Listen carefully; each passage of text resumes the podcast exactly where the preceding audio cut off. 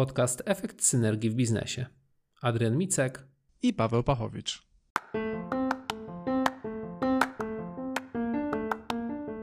Podcast ESWB to dwóch pasjonatów, którzy w konwersacyjnym stylu podadzą Ci dużo istotnych informacji z pogranicza technologii, biznesu i e-commerce. Konkretna wiedza, bez zbędnych wypełniaczy. Odcinek 10. Konsulting nie jest dla wszystkich. Trzy rzeczy, które należy wziąć pod uwagę, zanim Wasza firma podejmie się współpracy z konsultantem. To dzisiaj tak naprawdę chcemy powiedzieć o kilku rzeczach, w sumie porozmawiać o kilku rzeczach. Tak naprawdę o trzech kwestiach, które trzeba wziąć pod uwagę, zanim firmy skorzystają z usługi zewnętrznego konsultingu, bo ostatnio dość dużo o tym rozmawiamy. Paweł, ja wiem, że ty sobie przygotowałeś w głowie takie trzy rzeczy, o których chcemy powiedzieć, więc oddaję tak Ci jest. głos i e, proszę przedstaw te trzy kwestie, które firmy muszą, muszą sobie opracować, zanim w ogóle mm, podejmą się współpracy z konsultantem. Muszą sobie przede wszystkim te, te rzeczy w głowie ułożyć i przemyśleć, bo od tego będzie zależała skuteczność mhm. tych działań, które są przeprowadzane z, z konsultantami zewnętrznymi. Mhm. Tak, to, że konsulting czy consulting ma sens, to jest jasne. To głównie wynika z tego, że to jest taka siła zewnętrzna, która bardzo pomaga e, w dokonywaniu zmian, bo firmy nie zmieniają się od zewnątrz, tak same z mhm. siebie po prostu. To nie działa. No i z naszych rozmów ostatnio wyniknęło, że my tak naprawdę obaj e, w różnym stopniu pełnimy takie funkcje. Tak. E, doradczo-konsultingowe. Mhm. I doszliśmy do wniosków e, po godzinach rozmów, że są trzy elementy, które są kluczowe do rozważenia dla każdej firmy, która chce zdecydować się na usługi konsultingu. Mhm. I żeby nie dalej nie budować tego napięcia, to powiem, jakie to rzeczy są. Zdecydowanie trzy. powiedz, Paweł. Pierwsza to są osoby wykonawcze, czyli osoby, które w naszej organizacji E, będą odpowiedzialne za tak zwane delivery tego, co zostanie ustalone w procesie konsultingu. Mhm. Druga rzecz to jest właściciel procesu, czyli nawet jeżeli jest pięć osób odpowiedzialnych za delivery, to powinna być osoba po e, stronie firmy, która kupuje usługi konsultingu, która e, skoordynuje te działania mhm. i, i upewni się, że, że każdy wie, co ma robić i każdy to robi. A trzeci element to jest taki, żeby wszyscy byli e, on board, żeby wszyscy, wszystkie osoby, które biorą udział w, w tym e, procesie doradztwa czy konsultingu, wiedziały po co tam są i żeby to nie było na mhm. siłę, bo szef kazał, no to tam, bo to po prostu nie da. Dopóki te wszystkie osoby się nie zalajnują, to efekt e, tego doradztwa czy konsultingu będzie mierny. Mhm. No ja się tutaj zgodzę z tobą w 100%, y, bo y, ja też to zauważyłem ostatnio, ale już tak świadomie bardziej. E, bo też w swojej pracy my często pracujemy z firmami, które mają właśnie osoby dedykowane po stronie klientów do kontaktu, osoby dedykowane, które znają procesy biznesowe, które są odpowiedzialne za, za wdrożenia y, jakichś nowych usprawnień. I rzeczywiście bardzo, bardzo ciężko byłoby pracować z firmą, która nie jest tego świadoma i nie, i nie ma tej osoby odpowiedzialnej. Byłoby piekielnie ciężko zrobić cokolwiek, ponieważ yy, myślę, że trzeba to powiedzieć otwarcie. Osoba, która jest konsultantem, ona daje wiedzę i know-how, ale nie wdroży fizycznie rzeczy w firmie. Tylko musi mieć, musi mieć zespół, musi mieć osoby, które są odpowiedzialne za to. No to mnie teraz zszokowałeś. No widzisz? Adrian, naprawdę. Jestem wstrząśnięty i, i, i, i, i zmieszany, bo myślałem, że konsultant po prostu robi wszystko. Okay. No niestety nie. Niestety nie. Konsultant może dać know-how, może dać sposób, w jaki coś zrobić, no ale jeżeli wymaga stworzenia czy mm, zmapowania jakichś procesów, no to potrzebuje mieć do tego kogoś, kto zna biznes. I to czasami nie jest jedna osoba, tylko tych osób może sześć być, tak? Tak, i kto to dowiezie wewnątrz organizacji. Tak. Więc jakbyśmy wrócili i usystematyzowali mhm. trochę e, ten odcinek, to osoby wykonawcze. Dosłownie po, po 2, 3, 4 zdania e, co, co, co, co, do, co do tego jednego parametru. Dlaczego są niezbędne i jakby co Dlaczego są, nie, dlaczego są niezbędne do, do tego, żeby ten proces e, miał sens? To może ja, ja, ja zacznę. Co ten, jakby yy, z mojego doświadczenia, to już będzie takie trochę masło maślane, ale z mojego doświadczenia te osoby są yy, niezbędne, bo ktoś musi yy, wdrożyć w firmie te rozwiązania, które jakby, czy konsultant, czy, czy, czy nawet czy nawet jakiś kurs wideo, który obejrzeliśmy, to, to, to, to, nie jest takie proste, że obejrzenie tego kursu jest toż, tożsame z tym, że to się u nas w firmie zadzieje, tak. więc tak samo y, godzina, dwie, pięć czy osiem spędzonych z konsultantem absolutnie nie jest gwarancją tego, że to się y, zadzieje u nas w firmie. Co więcej, jest to y, bardzo często dość złożony mhm. proces, który też trwa bardzo, bardzo długo i nie jest komfortowy ale wyniki tego procesu są komfortowe i bez, tej, bez tych rąk do pracy mhm. osób, które mają dedykowany czas na wdrożenie e, tych, tych, tych pomysłów czy rozwiązań, no tak naprawdę e, opcja tego, że e, ten consulting przyniesie jakikolwiek efekt jest taka troszkę mhm. mizerna. No z mojej... Chciałbyś coś tak, dodać? Tak, tak. Z mojej strony Adrian? na pewno mogę dodać to, że z mojego własnego doświadczenia, jeżeli nie było tych osób dedykowanych, tych osób wykonawczych, to był naprawdę duży problem, bo przeważnie kwestie wdrażania rzeczy po konsultingu y, opierały się na właścicielu tej firmy lub na prezesie. A tak jak wiemy, to są osoby, które są bardzo zajęte. Przedsiębiorcy są e, niesamowicie e, rozchwytywani przez różne rzeczy i przeważnie zajmują się bieżącym prowadzeniem firmy. No, jakiekolwiek nowe inicjatywy, podczas gdy oni nie mają takich dedykowanych osób, no jest bardzo ciężko wdrażać cierpią, cierpią na tą chorobę. Nie wiem, czy wiesz, jak się nazywa. Słyszałem, ta na B. Bie, bieżączka. Tak jest. Tak jest, więc to jest, to jest na pewno ten, ten problem, który powstaje, jeżeli nie ma osób wykonawczych. I przechodząc płynnie, Paweł, do Twojego drugiego aspektu, ja bym nawet podkręcił troszkę piłkę. Według mnie te osoby wykonawcze są w moim zdaniu e, osobistym troszkę bardziej ważne nawet niż ta osoba, która jest tym proces ownerem, o którym wspominałeś w drugim punkcie, dlatego że zwłaszcza w mniejszych organizacjach często nie ma tego proces ownera, ale osoby wykonawcze nie tyle, y, że tylko wykonują, to też te procesy tworzą i je znają. Więc bardzo istotny jest ten zespół wykonawczy, który rzeczywiście wdroży to, co E, im podpowiemy i podpisze się pod tym i może w nas, wespół z nami wezmą ownership tego tematu i będą w stanie go doprowadzić.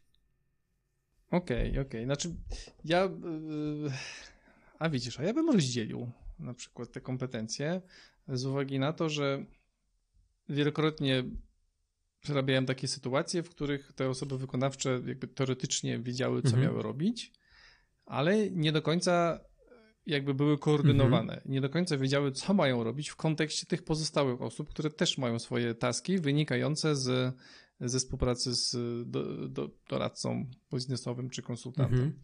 Więc y, z mojego doświadczenia wynika, że fajnie, że są ręce do pracy i wdrażają poszczególne elementy, natomiast te osoby muszą rozumieć całość tego procesu i muszą wiedzieć, że te poszczególne rzeczy, które, którymi mhm. oni się zajmują i wdrażają, są częścią jakiejś większej mhm. całości. Mhm. Stąd ten, ten właściciel procesu e, jest troszkę inną kompetencją, i, ale też jakby mhm. niezbędną. Mhm. Okej, okay, czyli jeżeli mamy tego właściciela procesu, tego process ownera, no to Paweł, jak w takim razie jego rola pomoże firmie w tym, żeby ten konsulting został przekształcony w realne zyski czy w realny benefit dla tego biznesu?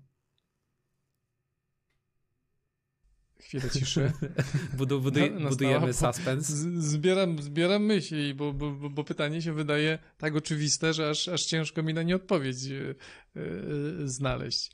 No to się yy, przełoży na to, że ta energia nie pójdzie w pięć różnych mhm. stron, czyli te pięć, czy siedem, czy dwie osoby wykonawcze, no one się skupią na tym, żeby znaleźć taki efekt synergii Mhm. trochę pewnie, żeby te, żeby te ich działania e, były, jakby są trochę niezależne, dotyczą się niezależnych tasków, Mhm. natomiast finalnie opierają się na tym, że mają wspólny cel. Aha. I jeżeli te osoby wykonawcze sobie tak po prostu funkcjonują i działają w oderwaniu od, od, od na przykład celów firmy, Mhm. e, takich high-levelowych, no to jest szansa, że nie będą efektywne, a może nawet e, jakiś głupot narobią. No tak. Tak może być. To co, my myśl... Tak, no chciałem przejść do tego trzeciego punktu, bo miałem zadać Ci pytanie, ale w sumie odpowiedziałeś w tej drugiej e, swojej części wypowiedzi na, na moje pytanie. Co się zadzieje, jeżeli tego process ownera nie będzie? No, czyli tak jak mówiłeś, mogą po prostu powstać rzeczy, które nie powinny, albo ta energia nie będzie tak dobrze sfokusowana na ten e, aspekt, e, na który konsultant zwrócił uwagę. No więc został nam w sumie tylko e, trzeci aspekt, trzecia kwestia do roztrząśnięcia. czyli fakt, żeby wszyscy byli on board. Czyli wszystkie osoby, które mają brać udział w doradztwie, szkoleniu, jak, jakimkolwiek przyjmowaniu nowej, nowej Mhm. wiedzy i, i, i wdrażaniu, no raczej powinni mieć świadomość, po co to się dzieje i zrozumienie, że to zaangażowanie każdej z tych osób jest turbo istotne do tego, żeby te działania przyniosły sens, bo też y, wielokrotnie, pewnie tak samo ja, jak i ty spotkaliśmy się z takimi przypadkami, w których to właściciel, dyrektor wymyślił sobie, że będziemy się teraz e, zmieniać i będziemy robić Tak. rzeczy lepiej. No zaprosimy takiego gościa z zewnątrz, który nam to Mhm. opowie. A ten team mówi, o ludzie, nie, ja, nie, mi tu jest dobrze, co się będziemy zmieniać. Jak się będziemy zmieniać, to będziemy mieli więcej roboty, że to będzie wdrażać, pe- pewnie jakiś proces się jeszcze pojawi i w ogóle wszyscy padniemy e, z przemęczenia, jak będziemy to Mhm. robić. No i, i, ten, i ten stara się bardzo ten, ten, ten mm, dyrektor czy właściciel, żeby to działało, natomiast bez odpowiedniego wsparcia i zakontraktowania sobie tego z, z osobami w firmie wcześniej, bardzo niskie prawdopodobieństwo e, sukcesu. Okej, no bo właśnie poruszyłeś bardzo istotną rzecz, o którą ja się miałem spytać ciebie, bo powiedziałeś o tym zespole, e, który musi być on board i z mojej strony wdrażając e, oprogramowanie, głównie e-commerce'owe, ale też e, wspierające czasami e-commerce, rzeczywiście czasami tak jest, że ten consulting nie jest one on one, tak mówimy, tylko jest one to many. Czyli jedna osoba, konsultant, konsultuje, czy jeden wdrożeniowiec wdraża nie oprogramowanie dla jednej osoby, tylko dla wielu. I trzeba te interesy tych wielu osób są pogodzić, i one, tak jak wcześniej wspomniałem, muszą się podpisać pod tym em, obiema rękami, tak, że się z tym zgadzają. No i moje pytanie było takie, czy właśnie jest to rola konsultanta, żeby tych ludzi podpiąć, ale poniekąd już na to odpowiedziałeś, że to jest rola w sumie właściciela tej firmy, żeby on ten konsensus uzyskał i podpiął pod ten konsensus swoich pracowników. Czy to się zgadza? Tak, ale zadaniem konsultanta jest to, żeby się upewnić, że ten konsensus jest. Mhm. Żeby się upewnić, że nie pakuje się, w, bo to kiedyś się obróci i ugryzie go w tyłek. Tak. Jeżeli się okaże, że, że on myślał, że wszystko jest super, a okazało się, że pracownicy nie bardzo chcieli jednak brać udział w tych, tych, tych spotkaniach. Mhm. Ale teraz mi jeszcze przyszedł do głowy bonus. No, Czyli czwarty, czwarty element y, niewypowiedziany w, w, we wstępie. mhm. I chciałbym go zaadresować za Twoją zgodą. może rzeczywiście, że tak. Dobra. To, to, to, bo, bo to nawiązuje trochę do, do tego bycia on board w zespole. Są też takie jeszcze trochę toksyczne sytuacje, Mhm. w których, jak wiadomo, firmy nie zmieniają się, mm, mają pewnie jakieś problemy, większość ma coś do przepracowania, natomiast nie zmieniają się od środka. I często Mhm. jest taka sytuacja, że nowo zatrudniony dyrektor, jakiś menadżer wpada na pomysł, że on użyje e, doradztwa i konsultingu Aha. jako lewara. Czyli on weźmie sobie takiego konsultanta, jakby z, z, zaaranżuje to z zarządem i potem użyje tego konsultanta czy, czy, czy doradcy do tego, żeby wpływ na e, właścicielu lub zarządzie wywrzeć. I to też jest tragicznie toksyczna kombinacja, której trzeba unikać, trzeba to szybko mhm. rozpoznać, bo y, tak naprawdę, jeżeli dyrektor nie był w stanie tego zrobić, to jest szansa, że konsultant też tego nie będzie w stanie zrobić. To jest akurat taki y, case żywy, mhm. realny, do którego mhm. się teraz odnoszę. No i co się dzieje wtedy, jeżeli mm, pomimo tego, że jest konsultant, to zarząd dalej nie chce wdrożyć pewnych rozwiązań. Aha. Bo Trzeba ja mam... obwinić konsultanta. I ta no tak. osoba, która doprowadziła do zatrudnienia konsultanta, teraz mówi, o, ty najgorszy. Nie, nie, nie, może też powiedzieć bezpośrednio przed zarządem czy właścicielem, że no, ja wziąłem konsultanta po to, żeby on ciebie przekonał, tak. tylko trzeba znaleźć te wszystkie e, elementy, które mogły nam nie pasować i to znaczy, że konsultant jest B.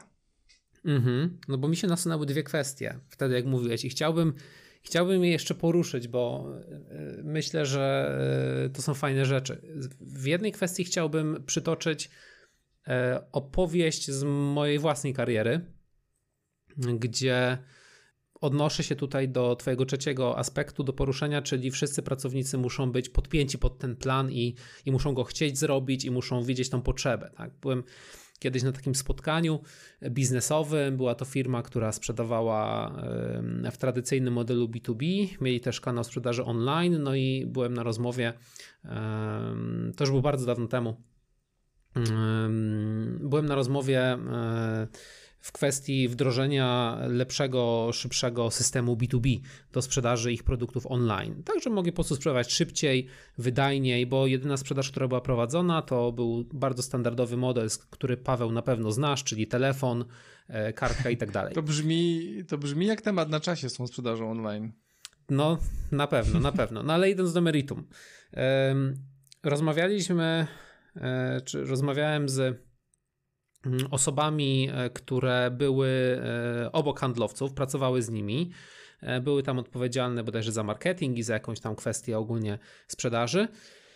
No i prowokacyjnie zadałem im pytanie, a co wasi handlowcy myślą o tym systemie B2B? Czy on rzeczywiście tak im pracę ułatwi, usprawni i tak dalej?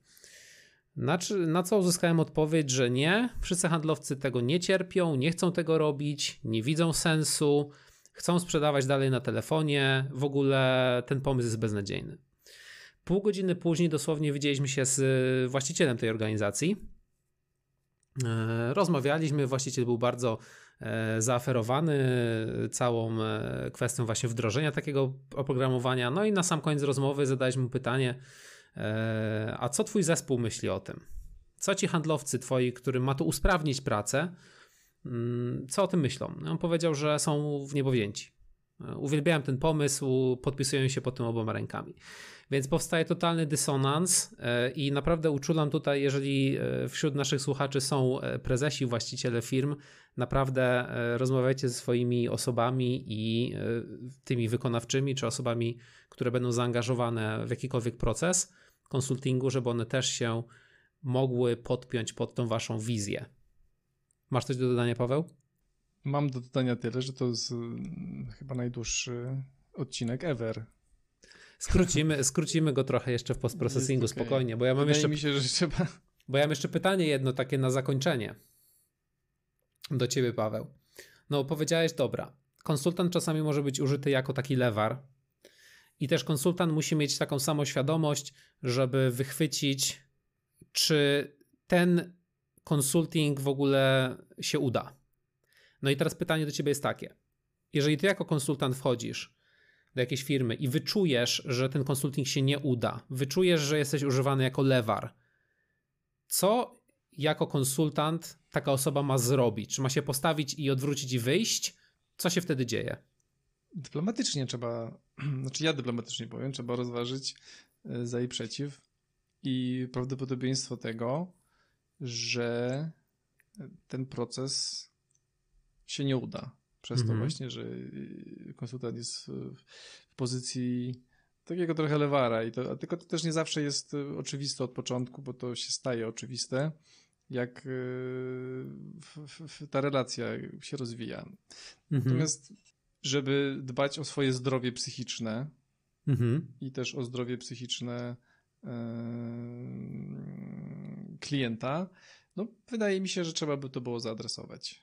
I ja mhm. bym to adresował, bo wydaje mi się, że mniej zła będzie z zaadresowania takiego problemu niż z pozamiatania go pod dywan, no i potem dealowania z konsekwencjami. Czyli transparentność chyba. Okej, okay. no to w takim razie Paweł, czy mógłbyś e, dla wszystkich naszych słuchaczy podsumować te trzy aspekty i czwarty bonusowy i będziemy kończyli ten odcinek Postaram właśnie tymi się. przemyśleniami. Y, doradztwo i consulting nie jest dla każdego. Wbrew mhm. pozorom. Nie jest dla każdego. I są, wyróżniliśmy trzy elementy, które należy brać pod uwagę. I czwarty bonusowy. Mhm. Te pierwsze trzy, które określiliśmy jako najważniejsze, to konieczność tego, żeby w organizacji były osoby y, wykonawcze, które zajmą się delivery i wdrożeniem tych pomysłów, procesów, rozwiązań, które zostały mhm. wypracowane z konsultantem. E, druga rzecz to musi być właściciel procesu mhm. po stronie klienta, który spina te wszystkie elementy i e, upewnia się, że te wszystkie osoby, które są odpowiedzialne za wdrożenie, działają jakby wspólnie, jest jakiś efekt synergii pomiędzy nimi i, i, i grają do tej samej bramki mhm. i koordynuje też ich działania. I trzecia rzecz to jest taki element żeby wszyscy byli on board, czyli żeby wszyscy wiedzieli, po co jest ten consulting czy doradztwo, dlaczego to robimy, że mamy taki cel, że to jest dobre dla nas, że to nie jest złe i że może być troszkę ciężkie, ale finalnie będą z tego, będzie zwrot z inwestycji, który no, będzie zadowalający i, i dla tych ludzi, i dla właściciela, zarządu i, i osób zaangażowanych w ten proces. Jako bonus dorzuciliśmy taką czerwoną lampkę, mhm. którą, na którą należy zwrócić uwagę. Tylko, że to dorzuciliśmy tak naprawdę chyba czerwoną lampkę dla konsultantów, tak. a nie dla ludzi, którzy yy, tak. Ale, ale jakby na to z drugiej strony spojrzeć, to ta osoba, ten menadżer, który wpadł na pomysł, że użyje konsultanta jako lewara, no może się teraz dwa razy zastanowić, bo to przeważnie nie działa. Mhm. Okej. Okay. Czyli te cztery elementy. Mamy to, let's wrap it up. Tak jest. Dziękujemy Paweł za Twoje podsumowanie i też za e, jak zwykle bardzo merytoryczne argumenty. Dziękujemy wszystkim, którzy słuchali. No i w tym momencie kończymy ten odcinek. Myślę, że przemyślenia były bardzo, bardzo trafne i będziemy się słyszeć w kolejnym odcinku. Sama przyjemność, Adrian. Również. Do usłyszenia. Dziękuję. Do usłyszenia. Jeżeli znalazłeś u nas w podcaście wartościowe treści, zapraszamy Cię serdecznie do dołączenia do naszej grupy na Facebooku – pod nazwą Efekt Synergii w biznesie. Pragniemy, żeby kontakt z innymi członkami grupy zainspirował Cię do poszukiwania synergii w Twoim biznesie.